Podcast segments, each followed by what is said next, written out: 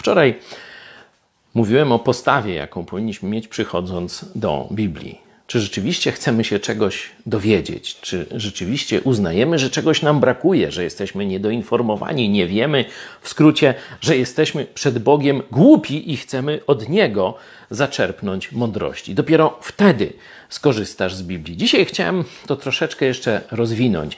Sam w swoim życiu miałem takie trzy główne etapy czytania Biblii. Najpierw czytałem ją, żeby ją zanegować, skrytykować, wykazać, że jest niespójna, sprzeczna i tak dalej.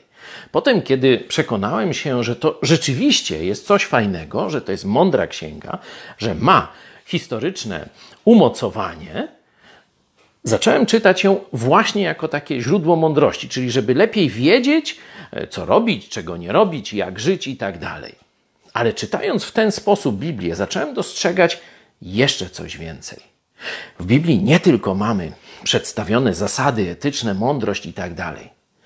W Biblii mamy przedstawione, przedstawionego kogoś. Tym kimś jest Jezus Chrystus.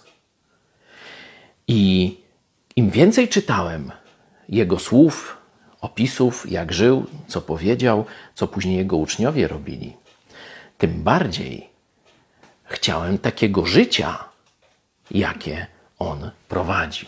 Aż w końcu zrozumiałem, że Biblia nie daje tylko mądrości, że Biblia mówi o życiu, jakie możesz otrzymać od Jezusa Chrystusa.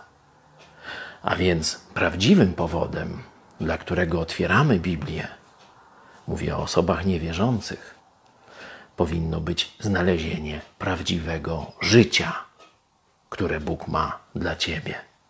To jest prawdziwy cel czytania Biblii.